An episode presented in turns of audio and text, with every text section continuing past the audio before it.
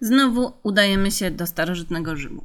Ja lubię w starożytnym Rzymie się obracać e, w tych podcastach, bo to jest bardzo wdzięczny temat. No i dzisiaj znowu będziemy zaglądać w kroniki kryminalne starożytnego Rzymu. E, głównie dlatego, że znowu będzie to opowieść o kobiecie. No tak to u mnie już jest. Będzie ona, no niestety, ofiarą morderstwa i o dosyć podobnej sprawie już raz opowiadałam. Będę tu zalinkuję na YouTubie podcast o Aproni, która była ofiarą swego małżonka. Jednocześnie zachęcam e, osoby, które słuchają mnie na Spotify'u, by czasami słuchały mnie także na YouTubie, ponieważ Spotify, słuchajcie, mi nie płaci. Y, no, udostępniam ten podcast na Spotify'u, powiedzmy, z powodów y, społecznościowych, grzecznościowych, ale Spotify nie płaci podcasterom. Taka jest przykra prawda. No ale cóż, także tutaj dziś będzie opowieść o Regilli, a właściwie bohaterka nasza nazywała się tak naprawdę i przeczytam całe jej y, imię tylko dlatego, że to jest zabawne. Nazywała się Appia Annia Regilla Atylia Klaucydia Tertulla. Yy, no jak ktoś bardzo nie lubi swojego dziecka, to nadaje mu mnóstwo imion, które trudno jest wymówić. Prawdopodobnie przynajmniej pięć z nich przejęzyczyłam, bo ja tak już robię po prostu. Yy, nie ma to żadnego rzecz jasna znaczenia. Będziemy na nie mówić Regilla, bo we wszystkich źródłach występuje mniej więcej jako Regilla.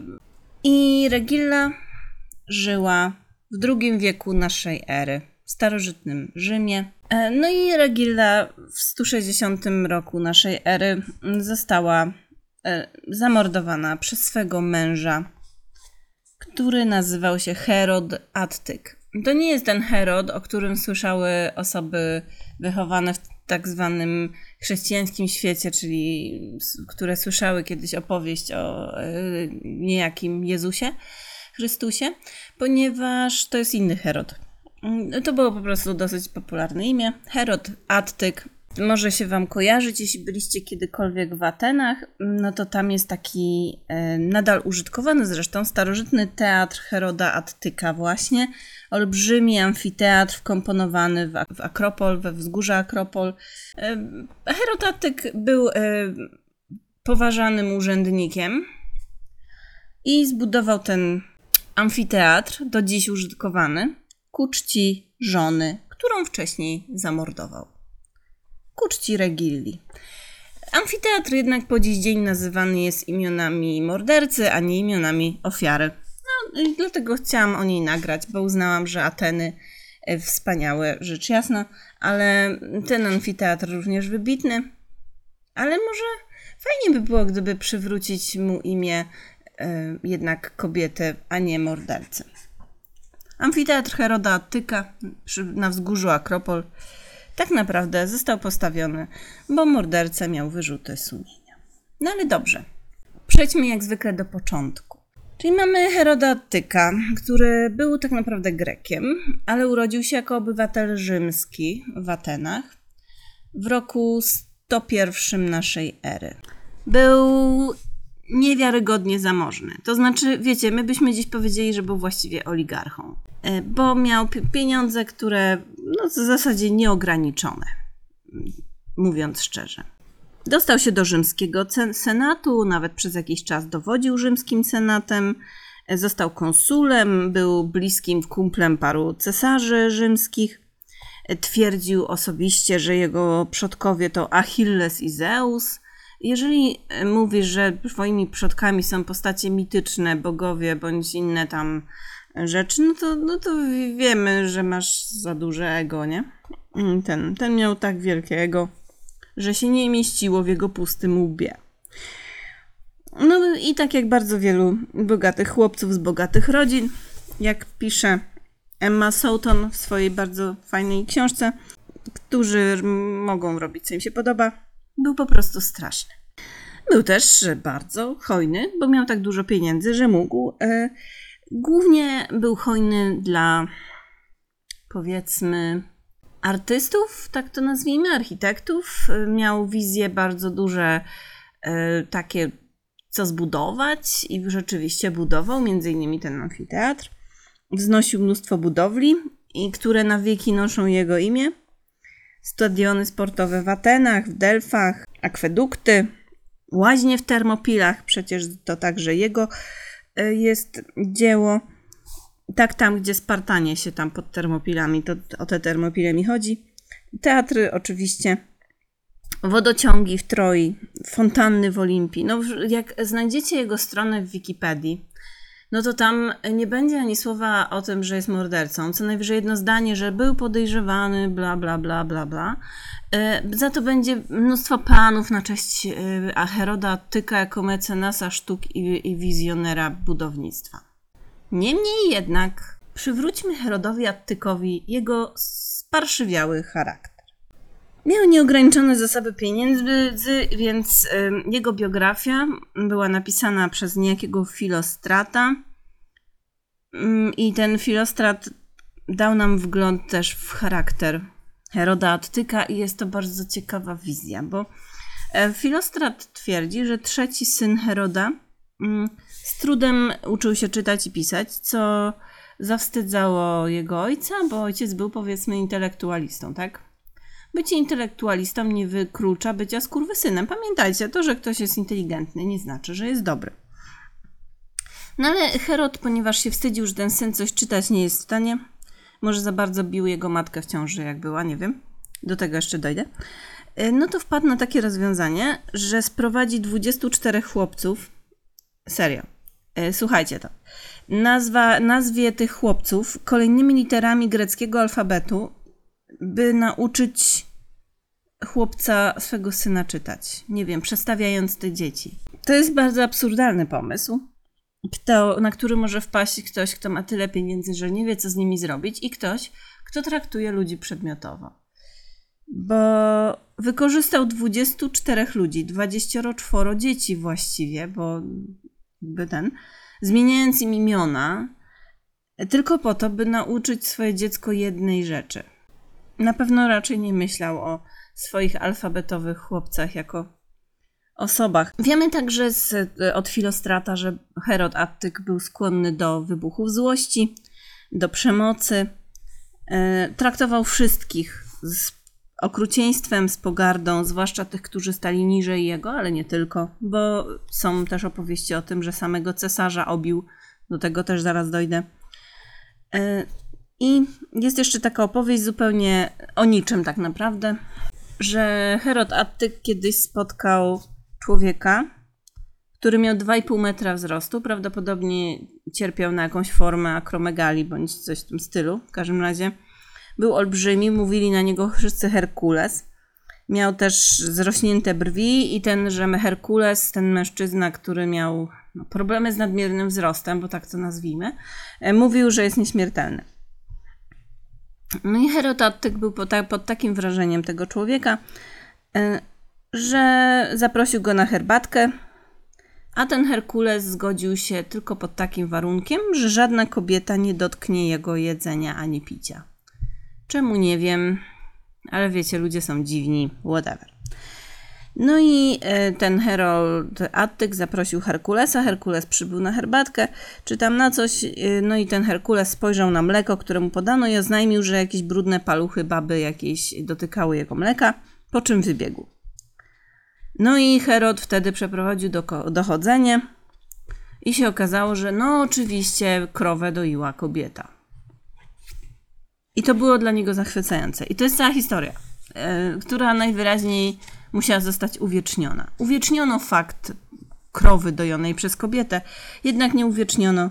Historycy sobie tem, temu nie zadali jakby trudu, by uwiecznić jakiekolwiek szczegóły na temat tego, kim była, jakie, jakim, jakie życie prowadziła tak naprawdę żona Heroda Attyka. Heroda Attyka, który swoją drogą, gdy jego ojciec umarł, to jedyne co zrobił, od razu co zrobił, to odebrał obywatelom a ten wszystko, co ojciec im zapisał w testamencie, bo ojciec miał jakieś takie ciągoty, żeby nie tylko własnego synka wynagradzać. W każdym razie, jak widzicie, Herod Attyk jest postacią ze wszechmiar odrażającą. Całe życie spędził wchodząc w spory z różnymi bogatymi ludźmi, nawet z cesarzem Antoniusem Piusem kiedyś wdał się w jakąś bójkę i co skończyło się tym, że Herod podobno rąbnął cesarza pięścią w twarz, e, co prawdopodobnie dla każdego innego skończyłoby się śmiercią. No ale Herod Attyk miał bardzo dużo pieniędzy, no i bardzo dobre koneksje. I nie ożenił się aż do czterdziestki, bo chciał znaleźć żonę, której ojciec byłby co najmniej konsulem. Więc był skłonny poczekać. Gdy skończył 40 lat, sam był już konsulem i zaprzyjaźnionym z cesarską rodziną, bo mimo tego, że cesarz Antonius Pius e, dostał po mordzie od Herodatyka, to i tak zrobił go nauczycielem swoich adoptowanych synów, e, no bo Herodatyk, jak mówiłam, był człowiekiem inteligentnym i mógł sobie wreszcie znaleźć idealną narzeczoną. Czternastoletnią dziewczynkę, z rodziny cesarskiej, dosyć odległej gałęzi. I powiem tak, e, Regilla, bo, będzie, bo, do niej wreszcie doszliśmy, miała bardzo dobre koneksje. I dosyć niezwykłe jest, że poślubiła Heroda Attyka, bo Herod Attyk mimo wszystko był jednak Grekiem, mimo że był obywatelem rzymskim, a nie no, y, Rzymianinem, że tak powiem, z krwi i kości. No, jak już mówiłam, pieniądze łagodzą nawet tak straszliwe rzeczy jak bycie Grekiem. Ale też Herodatek większość życia jednak spędził w Rzymie. Więc y, jakby połączenie tych dwóch majątków, Regilli i Heroda, wydawało się logiczne. Oczywiście nie mamy wątpliwości, że Regilla jako 14-letnia dziewczynka nie ma nic do powiedzenia co do tego, czy chce wyjść za mąż za 40-letniego e, bufona. No i nikogo to, co ona myśli, specjalnie nie obchodzi. Zostaje jego maleńką, małoletnią żoną jako 14-latka. Pierwsze dziecko rodzi jako 16-latka. Jej mąż ma wtedy 42 lata. Ten synek, pierwsze dziecko umiera po paru miesiącach, ona niemal natychmiast zachodzi znowu w ciążę. Rodzi w sumie potem dwie córki po kolei, gdy ma 17 i 18 lat, kolejnego syna, gdy ma lat 20, a następnego dopiero, gdy ma lat 25. Yy, mogła mieć problem z zajściem w kolejną ciążę przez te parę lat, ponieważ no w ciąży była nieustannie. Nie wiemy oczywiście, ile razy po drodze poroniła, no takich informacji nie wiemy, możemy się tylko domyślać, że była to dziewczyna, która była bez przerwy w ciąży. Kiedy umiera, to zresztą mając lat tam 30 bądź 30 parę, to tak zupełnie precyzyjne nie jest. Yy, także jest zresztą wtedy w ciąży. I w żadnym źródle nie ma nic właściwie specjalnego poza tym o Regilii. Naprawdę. Nie ma nic o jej charakterze za bardzo. Jest o jej funkcjach, które, to, które pełniła, ale wyłącznie dlatego, że, no, że była żoną Heroda Attyka. Jej strona z Wikipedii też jest no, żałosna w zasadzie. Niespecjalnie wspomina e, o jakby takich niuansach tej sprawy, ponieważ na przykład informuje o tym ta strona w Wikipedii, zresztą nie tylko ona, że pierwszą rzeczą, jaką po ślubie zrobiła ze swoim posagiem, a wiemy, że no, tam małżeństwo było dla tego posagu, było kupienie prezentu dla męża w postaci wielkiej willi w Rzymie. Tak jakby czternastolatka w ogóle po pierwsze na to wpadła, po drugie miała w ogóle decyzyjność jakąkolwiek, co zrobi z takimi olbrzymimi pieniędzmi. I oczywiście był to dar od teściów prawdopodobnie. Była niezwykle bogatą arystokratką, ale po ślubie jej życie było dosyć prawdopodobnie ponure. Była bez przerwy w ciąży i była żoną Brutala. Podróżowała z nim po Grecji także. Przez jakiś czas żyli w Atenach, gdzie pełniła funkcję kapłanki bogini Fortuny. I jako kapłanka y, Regilla była podobno jedyną kobietą oficjalnie obecną na Igrzyskach Olimpijskich Siedziała niedaleko ołtarza Demeter po północnej stronie stadionu w Olimpii, naprzeciwko e, jakby stanowiska sędziów, no i oglądała zawody. Było to podobno bardzo dużym honorem oczywiście honorem, który przybył no, wraz z jej, e, powiedzmy, z urodzeniem, e, ale podobno było też bardzo fizycznie wymagające, no bo bierzemy pod uwagę fakt, że jest to kobieta, która jest albo w ciąży, albo tuż po porodzie, prawda? Jest gorąco w pizdu. E, a te igrzyska trwają bardzo długo. Ona siedzi tam na tym stadionie. A to nie było tak, że te stadiony były zadaszone. Znaczy inaczej, niektóre z tych stadionów były zadaszone.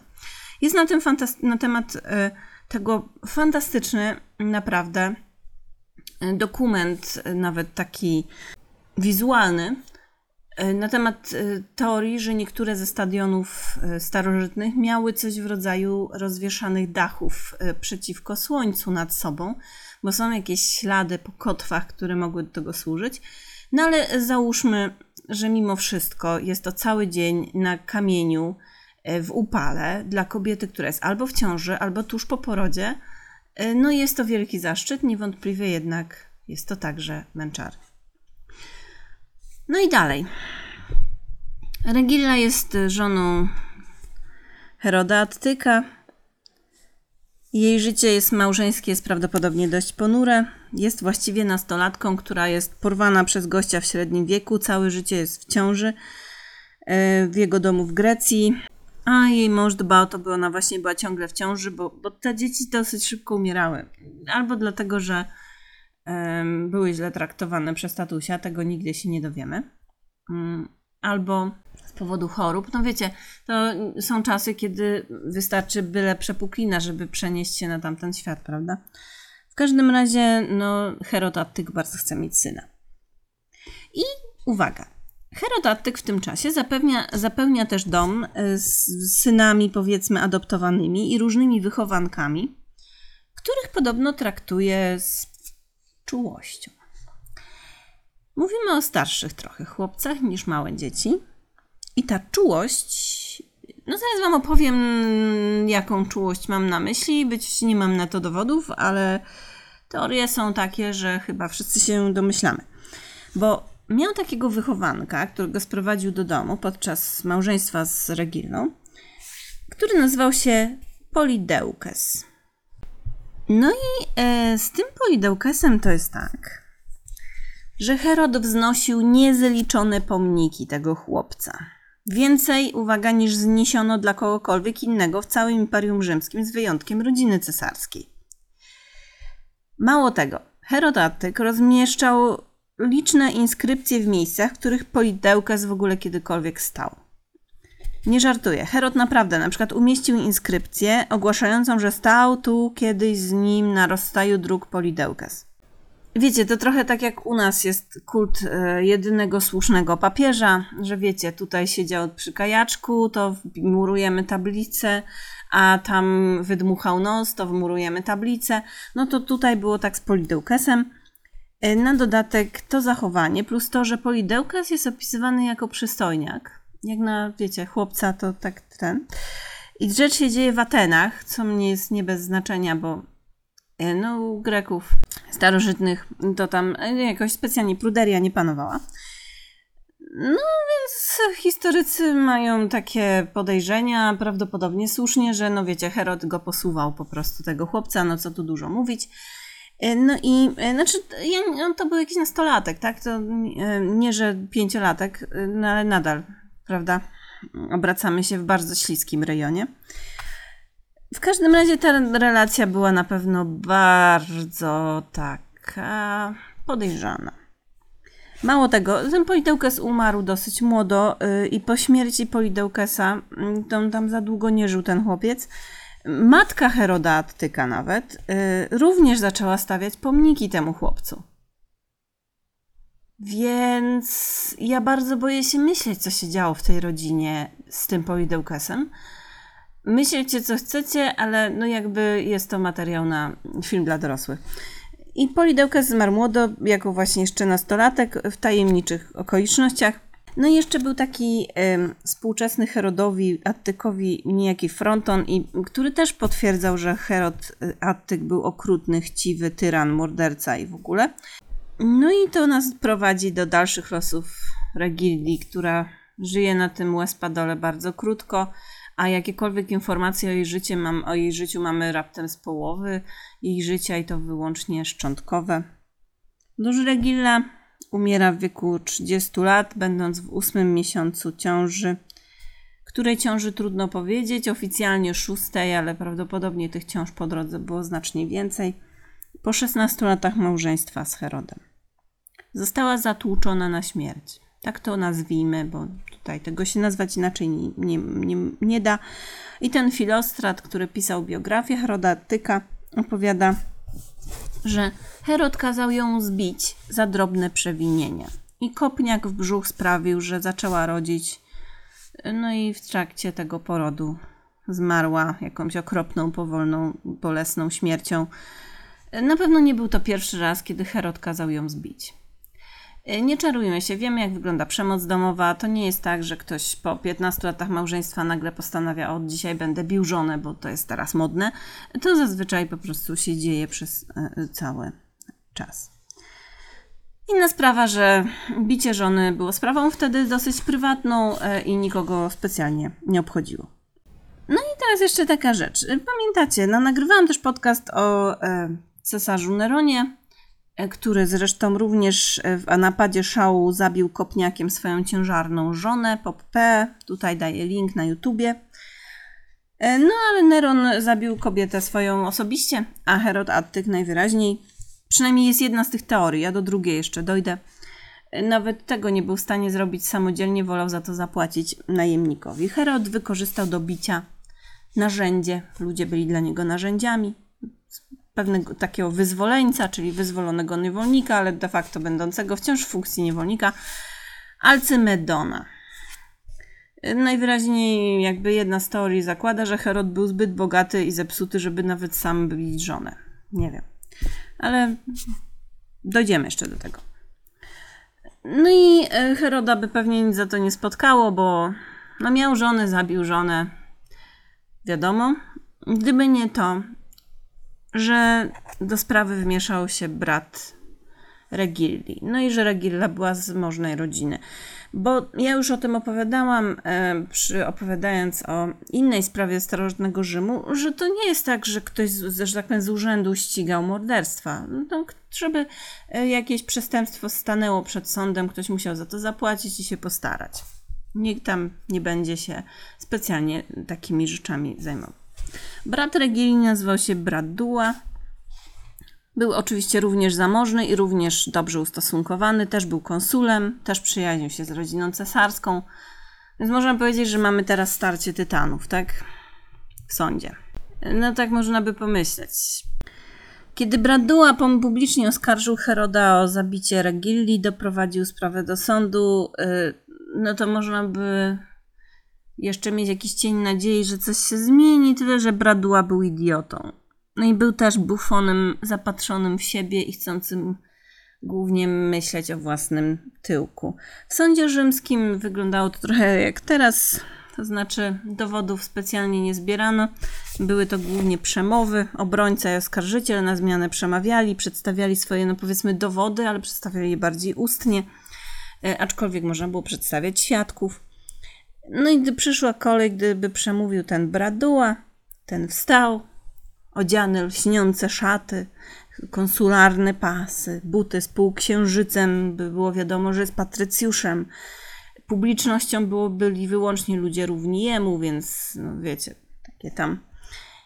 I zaczął dowodzić głównie to, jak wspaniała była jego rodzina. Zamysł był taki, był dowodnić, że no, no może to tylko kobieta była, ale za to z dobrej rodziny. Mówił strasznie długo, monotonnie opowiadał o tym, jaki jest absolutnie wspaniały, jak wszyscy jego krewni są cudowni i bogaci. Od miliona pokoleń, od samego, samych bogów i Zeusa w ogóle.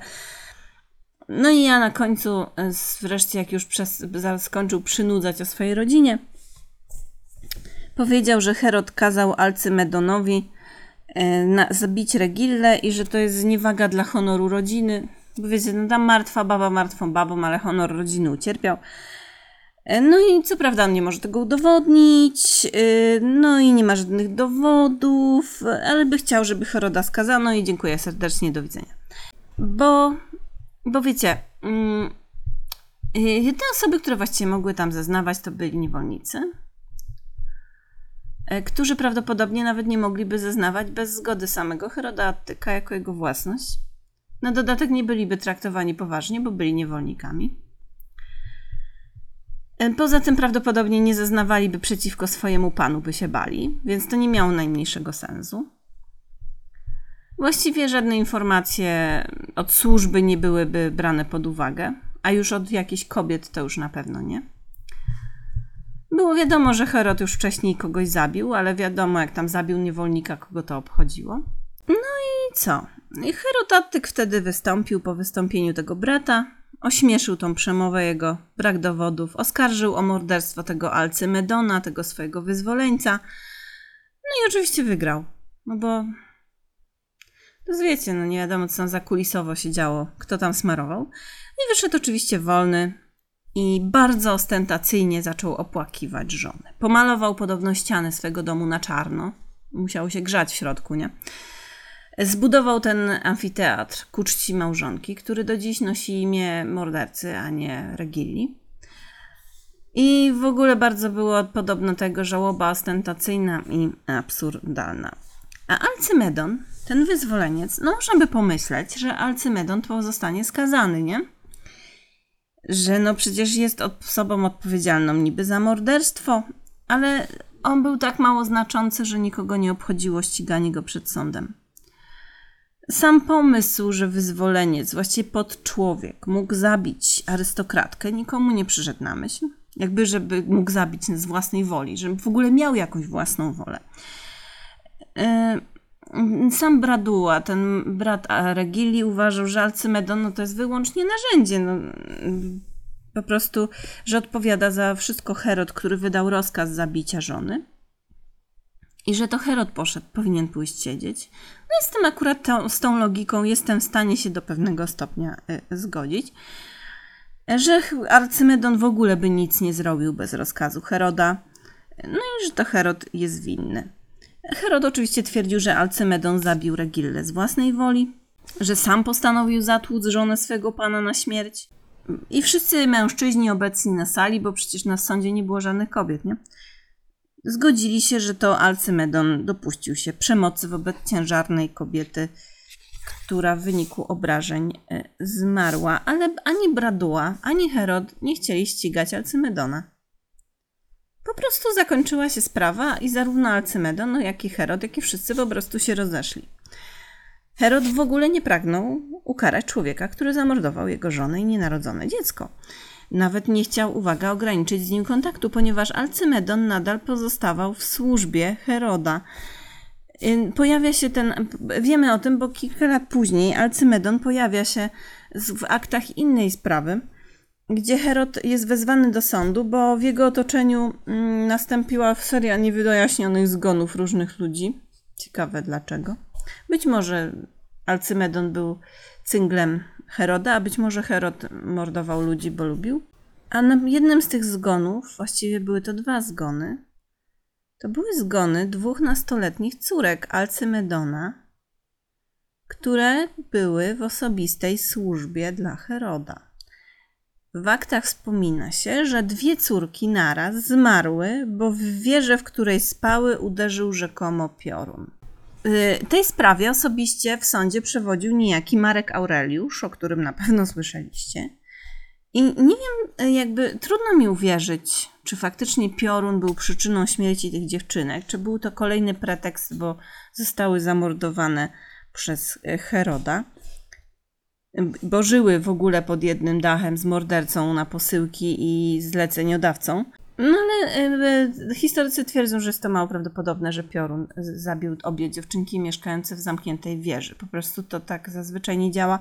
I e, Herod oczywiście po raz kolejny o jakąś kolejną sprawę oskarżył Alcymedona, ale znowu ani Herod, ani Alcymedon nie poszli siedzieć. Pamiętacie, że Herod ma nie, Attyk ma nieograniczone ilości kasy, prawda? I bierzcie to za każdym razem pod uwagę, kiedy mówię o kolejnych sprawach. Nadal prowadzi swój żywot. E, druga teoria jest jeszcze taka, że Herod po prostu w ataku szału zabił Regillę. A Alcymedon po prostu się postanowił podłożyć, bo wiedział, że on nikogo nie obchodzi, bo jest tylko wyzwoleńcem. Nikt go nie potraktuje poważnie. Poza tym potem, jak widzimy, w służbie są, jest cała rodzina Alcymedona, która zyskała prawdopodobnie na tej sprawie z Regillą, więc może tam też poszło jakieś przekupstwo w grę w zamian za to, że Alcymedon za każdym razem, jak ktoś umierał w otoczeniu Heroda, brał na siebie winę. Herod go wykupywał i wszyscy żyli długo i szczęśliwie. Wszyscy poza Regillą, córkami Alcymedona, niewolnikami, które, którzy w tajemniczych okolicznościach umierali wokół Heroda i tak dalej. E, w ogóle, jeśli chodzi o kobiety w tym starożytnym Rzymie, te kobiety takie, te zwykłe, nie małżonki cesarzy, to nie widzimy ich w historii. Zresztą nie tylko w starożytnym Rzymie. Chyba, że ich mężczyźni, męscy krewni mają odpowiedni status, to wtedy dopiero się w tej historii pojawiają. Każda kobieta jakiegoś niższego stanu zapada się w ponure bagno historii, które skrywa dzieje większości kobiet, nie- niewolników, chłopów. Jeśli mówimy o Polsce na przykład. Dramaty prowincjonalnych ludzi nie trafiają na karty historii, chyba że zginą w jakiś wyjątkowo ponury sposób. Najlepiej z ręki kogoś możnego. I tak na dzisiaj to tyle. Przywróciłam Regillę na chwilę z mroków otchłani dziejów. Y, jak będziecie kiedyś w Atenach i pójdziecie na wzgórze Akropol i spojrzycie na ten wspaniały amfiteatr, który będzie opisany jako amfiteatr Heroda Attyka, to pamiętajcie, że jest to amfiteatr Regilii. Fajnie byłoby zmienić jego nazwę. Czczenie morderców jest po prostu troszeczkę passe. I to tyle. Do usłyszenia.